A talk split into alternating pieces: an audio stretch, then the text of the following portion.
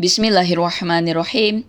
Assalamualaikum warahmatullahi wabarakatuh. Bersyukur pada Allah atas segala nikmat, rezeki bahkan kuasanya yang telah diberikan ke kita. Saya harap kalian ngedengerin podcast ini sampai selesai, biar nggak ada salah paham di antara kita. Kali ini saya akan membahas materi cinta atau sahabat. Nah, pada materi ini saya akan menyampaikan suatu kisah nyata dari salah satu sahabat Rasulullah Shallallahu Alaihi Wasallam yang beliau ini uh, hebat dalam beberapa bidang, banyaklah kelebihannya, tapi diuji dalam cinta. Sih. Oke. Okay. Materi yang akan saya bawakan ini salah satu sahabat Rasulullah itu adalah Salman Al-Farisi. Oke. Salman, sosok sahabat yang teramat tampan dan rupawan, berjiwa kesatria, gagah, dan memiliki keberanian di atas rata-rata. Dalam tiap buku sejarah Islam, peran Salman dalam Perang Ahzab dan idenya membuat jurang buatan saat berperang selalu dituturkan. Bahkan, Salman identik sebagai pahlawan dalam Perang Ahzab. Namun, jarang yang tahu jika Salman Al-Farisi juga memiliki riwayat kisah cinta yang menggetarkan jiwa. Kisah tersebut termaktub dalam kitab Sifat Al-Safwah karya Ibnu Al-Jauzi. Dikisahkan oleh Ibnu Al-Jauzi, kala itu Salman jatuh cinta dan berkeinginan menikahi seorang perempuan. Salman pun minta bantuan Abu Darda, sebab Abu Darda sudah kenal pihak keluarga perempuan. Salman menemui Abu Darda untuk meminta tolong agar keinginannya melamar gadis pujaan itu disampaikan pada keluarga si gadis. Karena takzim, sikap hormat, sikap sopan pada sahabatnya tersebut, Abu Darda menyanggupi dan pergi menemui keluarga si perempuan. Setelah menemui keluarga perempuan tersebut, Abu Darda bercerita pada mereka tentang keunggulan dan kebaikan-kebaikan Salman sebagai sahabat senior yang lebih dulu masuk Islam. Setelah itu, ia utarakan maksud kedatangannya, yakni meminang anak perempuan mereka untuk Salman. Namun, di luar dugaan, keluarga perempuan itu malah berkata bahwa mereka tidak akan menikahkan anak perempuan mereka pada Salman. Uh, salah satu di antara keluarga perempuan itu mengatakan, "Maaf, kami tidak akan menikahkan anak perempuan kami kepada Salman." Abu Darda kaget gitu. Ada ya orang nolak Salman Al Farisi dengan segala kelebihan gitu nah. Abu Darda bilang gini, Mengapa? Bukankah Salman orang baik, sahabat saya yang diakui keilmuan dan kesolehannya? Lalu salah satu dari keluarga itu mengatakan, kami sudah lama ingin menikahkan anak kami dengan orang lain. Jawab keluarga perempuan itu, ya, kami sudah berharap menikahkan dengan kamu, ya denganmu, wahai Abu Darda. Wow, Mendengar itu, Abu Darda bingung, senang dan sangat sedih. Senang karena tiba-tiba akan menikah dan sedih karena tak bisa memenuhi permintaan sahabatnya, yakni Salman Al-Farisi. Bahkan sebelum Abu Darda pulang, keluarga perempuan meminta agar Abu Darda segera melaksanakan akad nikah. Sesuatu yang tidak bisa ditolak oleh Abu Darda. Setelah diakatkan, Abu Darda baru pulang. Abu Darda pun menemui Salman dan menjelaskan hasil perjumpaannya dengan keluarga perempuan. Meski tentu saja dia sedikit merasa bersalah. Sebab sebelumnya Abu Darda sudah melaksanakan akad nikah. Salman bilang lah kan, Salman nanya, ada informasi apa Abu Darda? Lalu Abu Darda mengatakan, Kemarin aku sudah datang ke keluarga perempuan yang kamu inginkan. Namun, ternyata pihak keluarganya berkehendak lain. Maafkan saya, Salman. Lalu Salman bingung lah ya kan. Maksudnya apa gitu. Nanya lagi. Berkehendak lain bagaimana? Lalu Abu Darda sambil menunduk. Dia mengatakan, Ternyata mereka sudah merencanakan menjodohkan anaknya dengan saya dan selama ini saya tidak tahu akan hal itu. Jadi saat ini gadis itu sudah kunikahi. Maaf, sebenarnya saya malu sama kamu. Maaf, sebenarnya saya malu sama kamu. Itu jawaban Abu Darda. Mendengar kisah itu, Salman tidak marah dan tidak berpikir macam-macam. Bahkan Salman merelakan gadis pujaannya itu menikah dengan Abu Darda. Salman merelakan gadis pujaannya itu menikah dengan Abu Darda. Dan Salman memberi restu kepada Abu Darda. Lihat, ini teruntuk siapa pun lah ya, bahkan untuk diri saya sendiri. Kalau cinta ditolak, lamaran ditolak gitu ya jawaban Salman ini bisa kita pakai lah gitu. Apa jawaban Salman? Tidak apa-apa. La baksa, don't worry, ndak do. Mestinya saya yang lebih malu kenapa berani meminang seorang perempuan yang ternyata sudah Allah takdirkan untukmu. Salman katakan pada Abu Darda, Kenapa dengan beraninya saya meminang seorang perempuan yang ternyata sudah Allah takdirkan untukmu wahai Abu Darda? Kayak gitu Salman. Salman tuh nggak kayak orang-orang di zaman kita, di zaman sekarang. Ih, kamu nih sahabat makan sahabat. Masa itu tuh milik aku loh, itu tuh cinta aku kamu ambil juga. Parah lah. Nah, Salman nggak ada kayak gitu. Salman tuh orangnya tegar, kuat, dan keyakinan Salman pada Allah sangat-sangat kuat, melebihi kuatnya daripada cintanya itu. Itu Salman. Hati Salman sempat bergetar. Ya, kita lanjutin ya. Hati Salman sempat bergetar tapi tidak hancur dan tidak roboh. Hati Salman tidak patah. Bahkan Salman bersedia membantu melaksanakan pernikahan Abu Darda bersama gadis yang sempat dia idamkan itu. Setelah peristiwa tersebut, Salman dan Abu Darda berteman sebagaimana biasa. Tidak ada sakit hati, tidak ada dendam satu sama lain. Tidak ada perbedaan dari sebelum kejadian dan setelah kejadian. Ya, jadi santai aja gitu. Nah, itu riwayat yang pertama. Kisah yang pertama. Lalu ada riwayat yang kedua, versi lainnya gitu. Salman Al-Farisi. Ia merupakan seorang mantan budak dari Isfahan Persia. Kisah cinta Salman terjadi saat ia tinggal di Madinah setelah menjadi muslim dan menjadi salah satu sahabat dekat Rasulullah sallallahu alaihi wasallam. Pada suatu waktu, Salman berkeinginan untuk menggenapkan din, menggenapkan agama dengan menikah. Selama ini ia juga diam-diam menyukai seorang wanita solehah dari kalangan Ansor. Namun, ia tidak berani melamarnya. Sebagai seorang imigran, ia merasa asing dengan tempat tinggalnya, yakni Madinah. Bagaimana adat melamar wanita di kalangan masyarakat Madinah, bagaimana tradisi Ansor saat mengkhidbah wanita, itu yang dipikirkan Salman ia nggak tahu nggak tahu apa pun mengenai budaya Arab gitu. Tentu saja tidak bisa sembarangan tiba-tiba datang mengkhidbah wanita tanpa persiapan matang. Salman pun kemudian mendatangi seorang sahabatnya yang merupakan penduduk asli Madinah, yakni Abu Darda. Ia bermaksud meminta bantuan Abu Darda untuk menemaninya saat mengkhidbah wanita impian. Impiannya.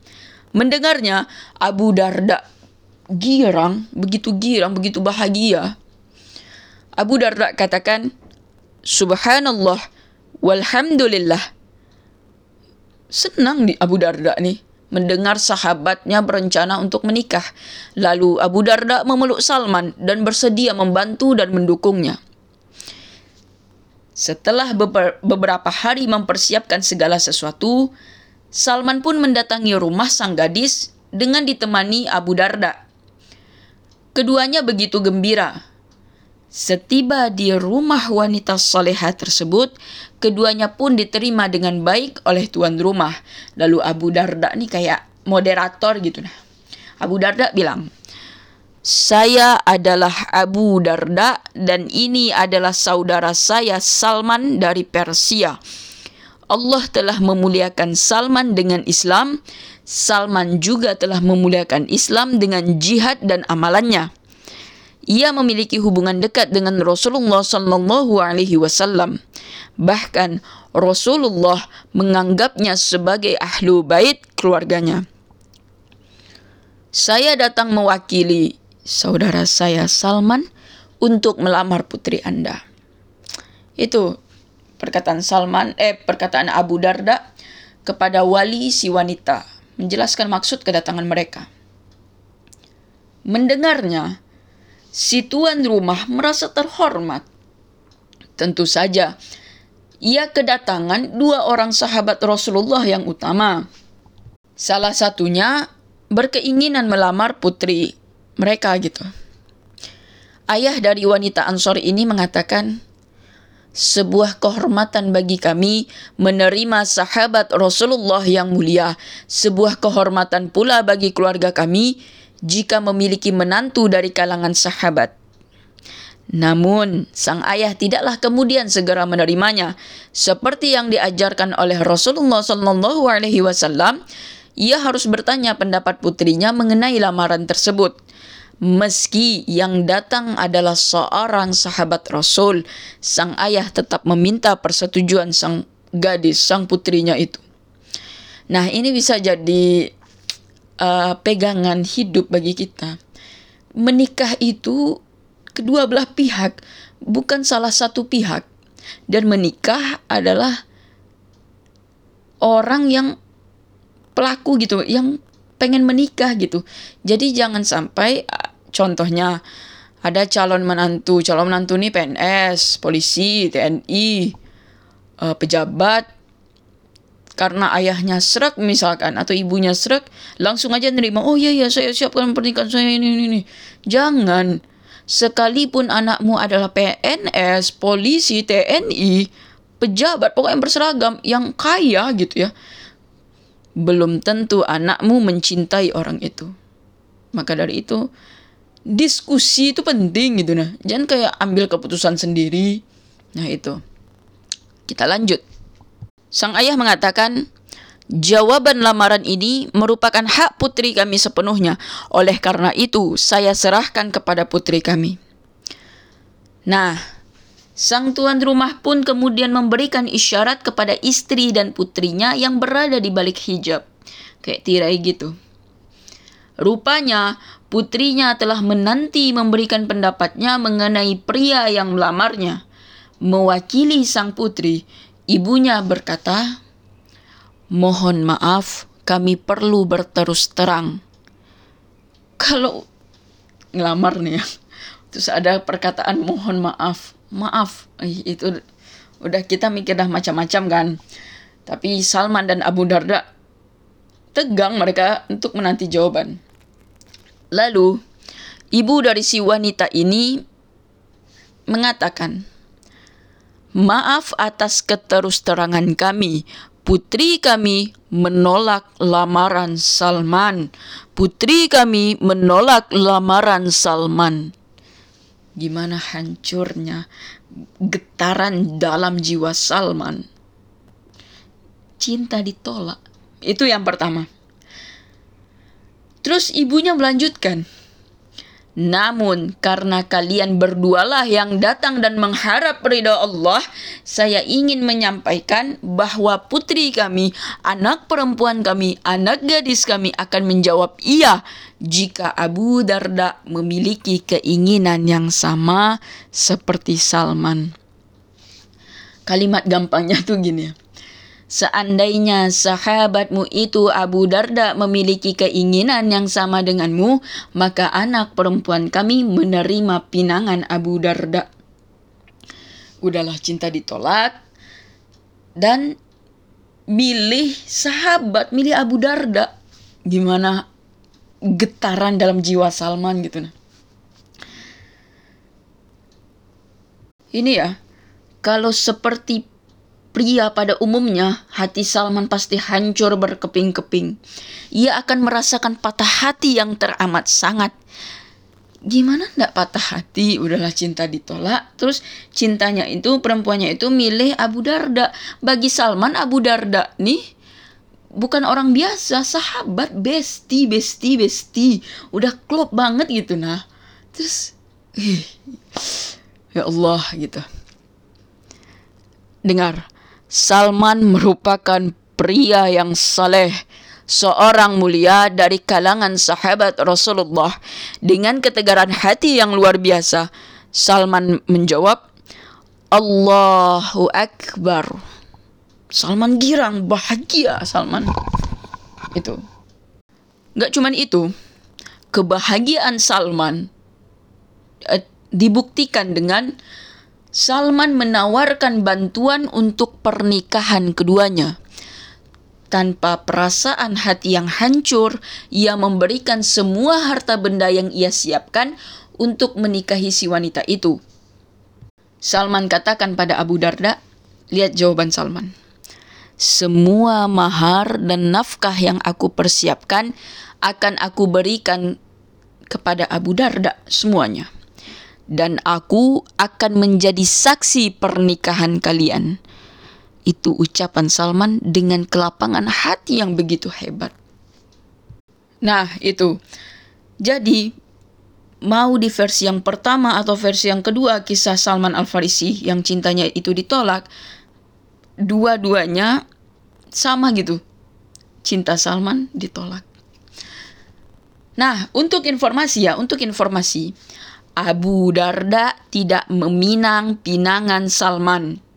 Abu Darda tidak men meminang pinangan Salman karena kasusnya perempuan Ansor ini tidak menerima pinangan Salman tetapi memilih Abu Darda. Itu. Jadi jangan ada yang mengatakan, "Oh, Abu Darda berdosa sama Salman karena meminang pinangan orang lain." Enggak ya. Abu Darda sama sekali tidak berdosa karena kasusnya perempuan Ansor ini tidak mencintai, tidak menerima pinangan Salman, tetapi memilih Abu Darda. Itu.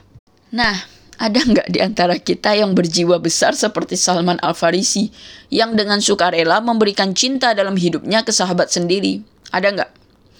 Kalau saya pribadi emang belum bisa kayak Salman sih. Nggak tahu kalau kalian. Kenapa Salman bisa begitu rela dan lapang dada? Karena beliau paham konsep takdir dan berusaha memahami Islam secara kafah.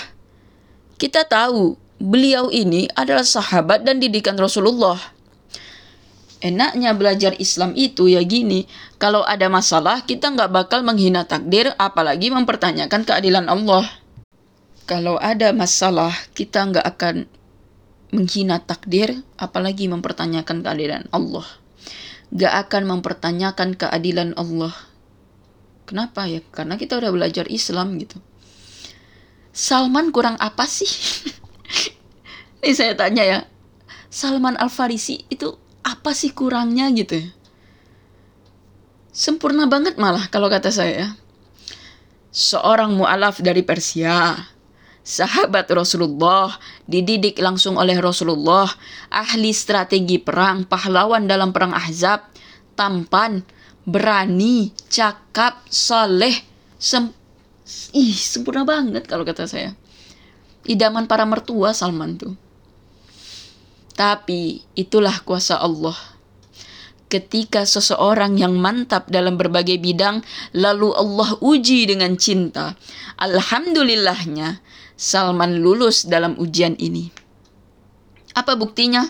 Buktinya ialah ketika dia ridho sebenar-benar ridho atas ketetapan Allah yang diberikan padanya.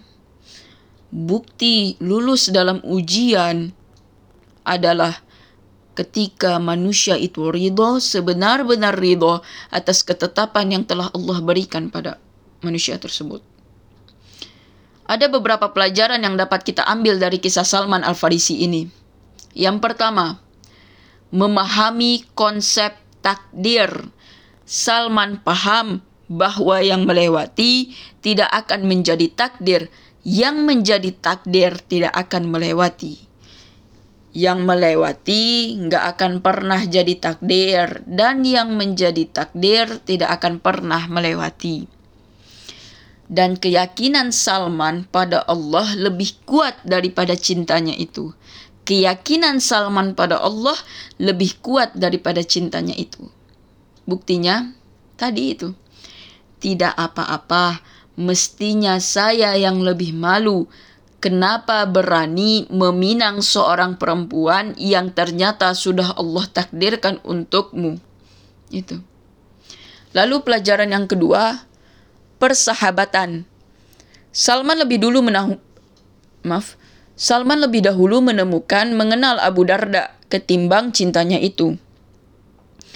Salman tidak ingin hanya karena cinta, persahabatan antara dirinya dengan Abu Darda itu hancur. Tidak ada keegoisan dalam diri Salman. Tidak ada prasangka buruk yang dilayangkan pada sahabatnya itu karena berprasangka buruk pada seorang muslim bukan yang Rasulullah ajarkan. Allah berfirman dalam Quran surah Al-Hujurat surah ke-49 ayat 12. A'udzu billahi minasyaitonir rajim. Bismillahirrahmanirrahim. Ya ayyuhalladzina amanu jatanibu katsiran كثيرا كثيرا من الظن إن بعض الظن إثم Hai orang-orang yang beriman, jauhilah kebanyakan prasangka kecurigaan, karena sebagian dari prasangka itu dosa. Terus pelajaran yang ketiga yang dapat kita ambil dari kisah Salman adalah problem solving, menyelesaikan masalah. Salman mengajarkan bahwa saat masalah tepat di hadapan kita, jangan lari atau mendahulukan nafsu, tapi dahulukan iman dan yakin bahwa Allah tidak akan pernah mengecewakan kita. Perlu diketahui, seberat apa pun masalah, Allah lah yang memberikan itu semua dan Allah pula lah yang punya solusi atas permasalahan kita. Seberat apa pun masalah kita walaupun datang bertubi-tubi, Allah lah yang memberikan itu semua dan Allah pula lah yang punya solusi atas permasalahan kita. Allah nggak akan memberi ujian di luar batas kemampuan hambanya. Allah nggak akan pernah memberi ujian di luar batas kemampuan hambanya. Allah Subhanahu wa taala telah berfirman dalam Quran surah Al-Baqarah surah kedua ayat 286. Bismillahirrahmanirrahim. La yukallifullahu nafsan illa لا La yukallifullahu nafsan illa وسعها. Allah tidak membebani seseorang melainkan sesuai dengan kesanggupannya. Allah tidak membe membebani seseorang melainkan sesuai dengan kesanggupannya. Allah tidak membebani seseorang melainkan sesuai dengan kesanggupannya. Jadi kalau kita ada masalah, baca ulang-ulang ayat itu. Insya Allah keimanan kita bertambah. Gitu. Allah sendiri yang ngomong gini, masa kita tidak percaya? Jadi apa pun masalah yang kita hadapi, semuanya ada jalan keluar. Tergantung mau nggak kita berusaha menyelesaikannya. Selama kita berjuang dan menyandarkan hidup kita hanya pada Allah semata, maka solusi akan mudah didapatkan. Itu. Nah, pelajaran yang keempat adalah pentingnya perantara ta'aruf yang sudah menikah. Itu.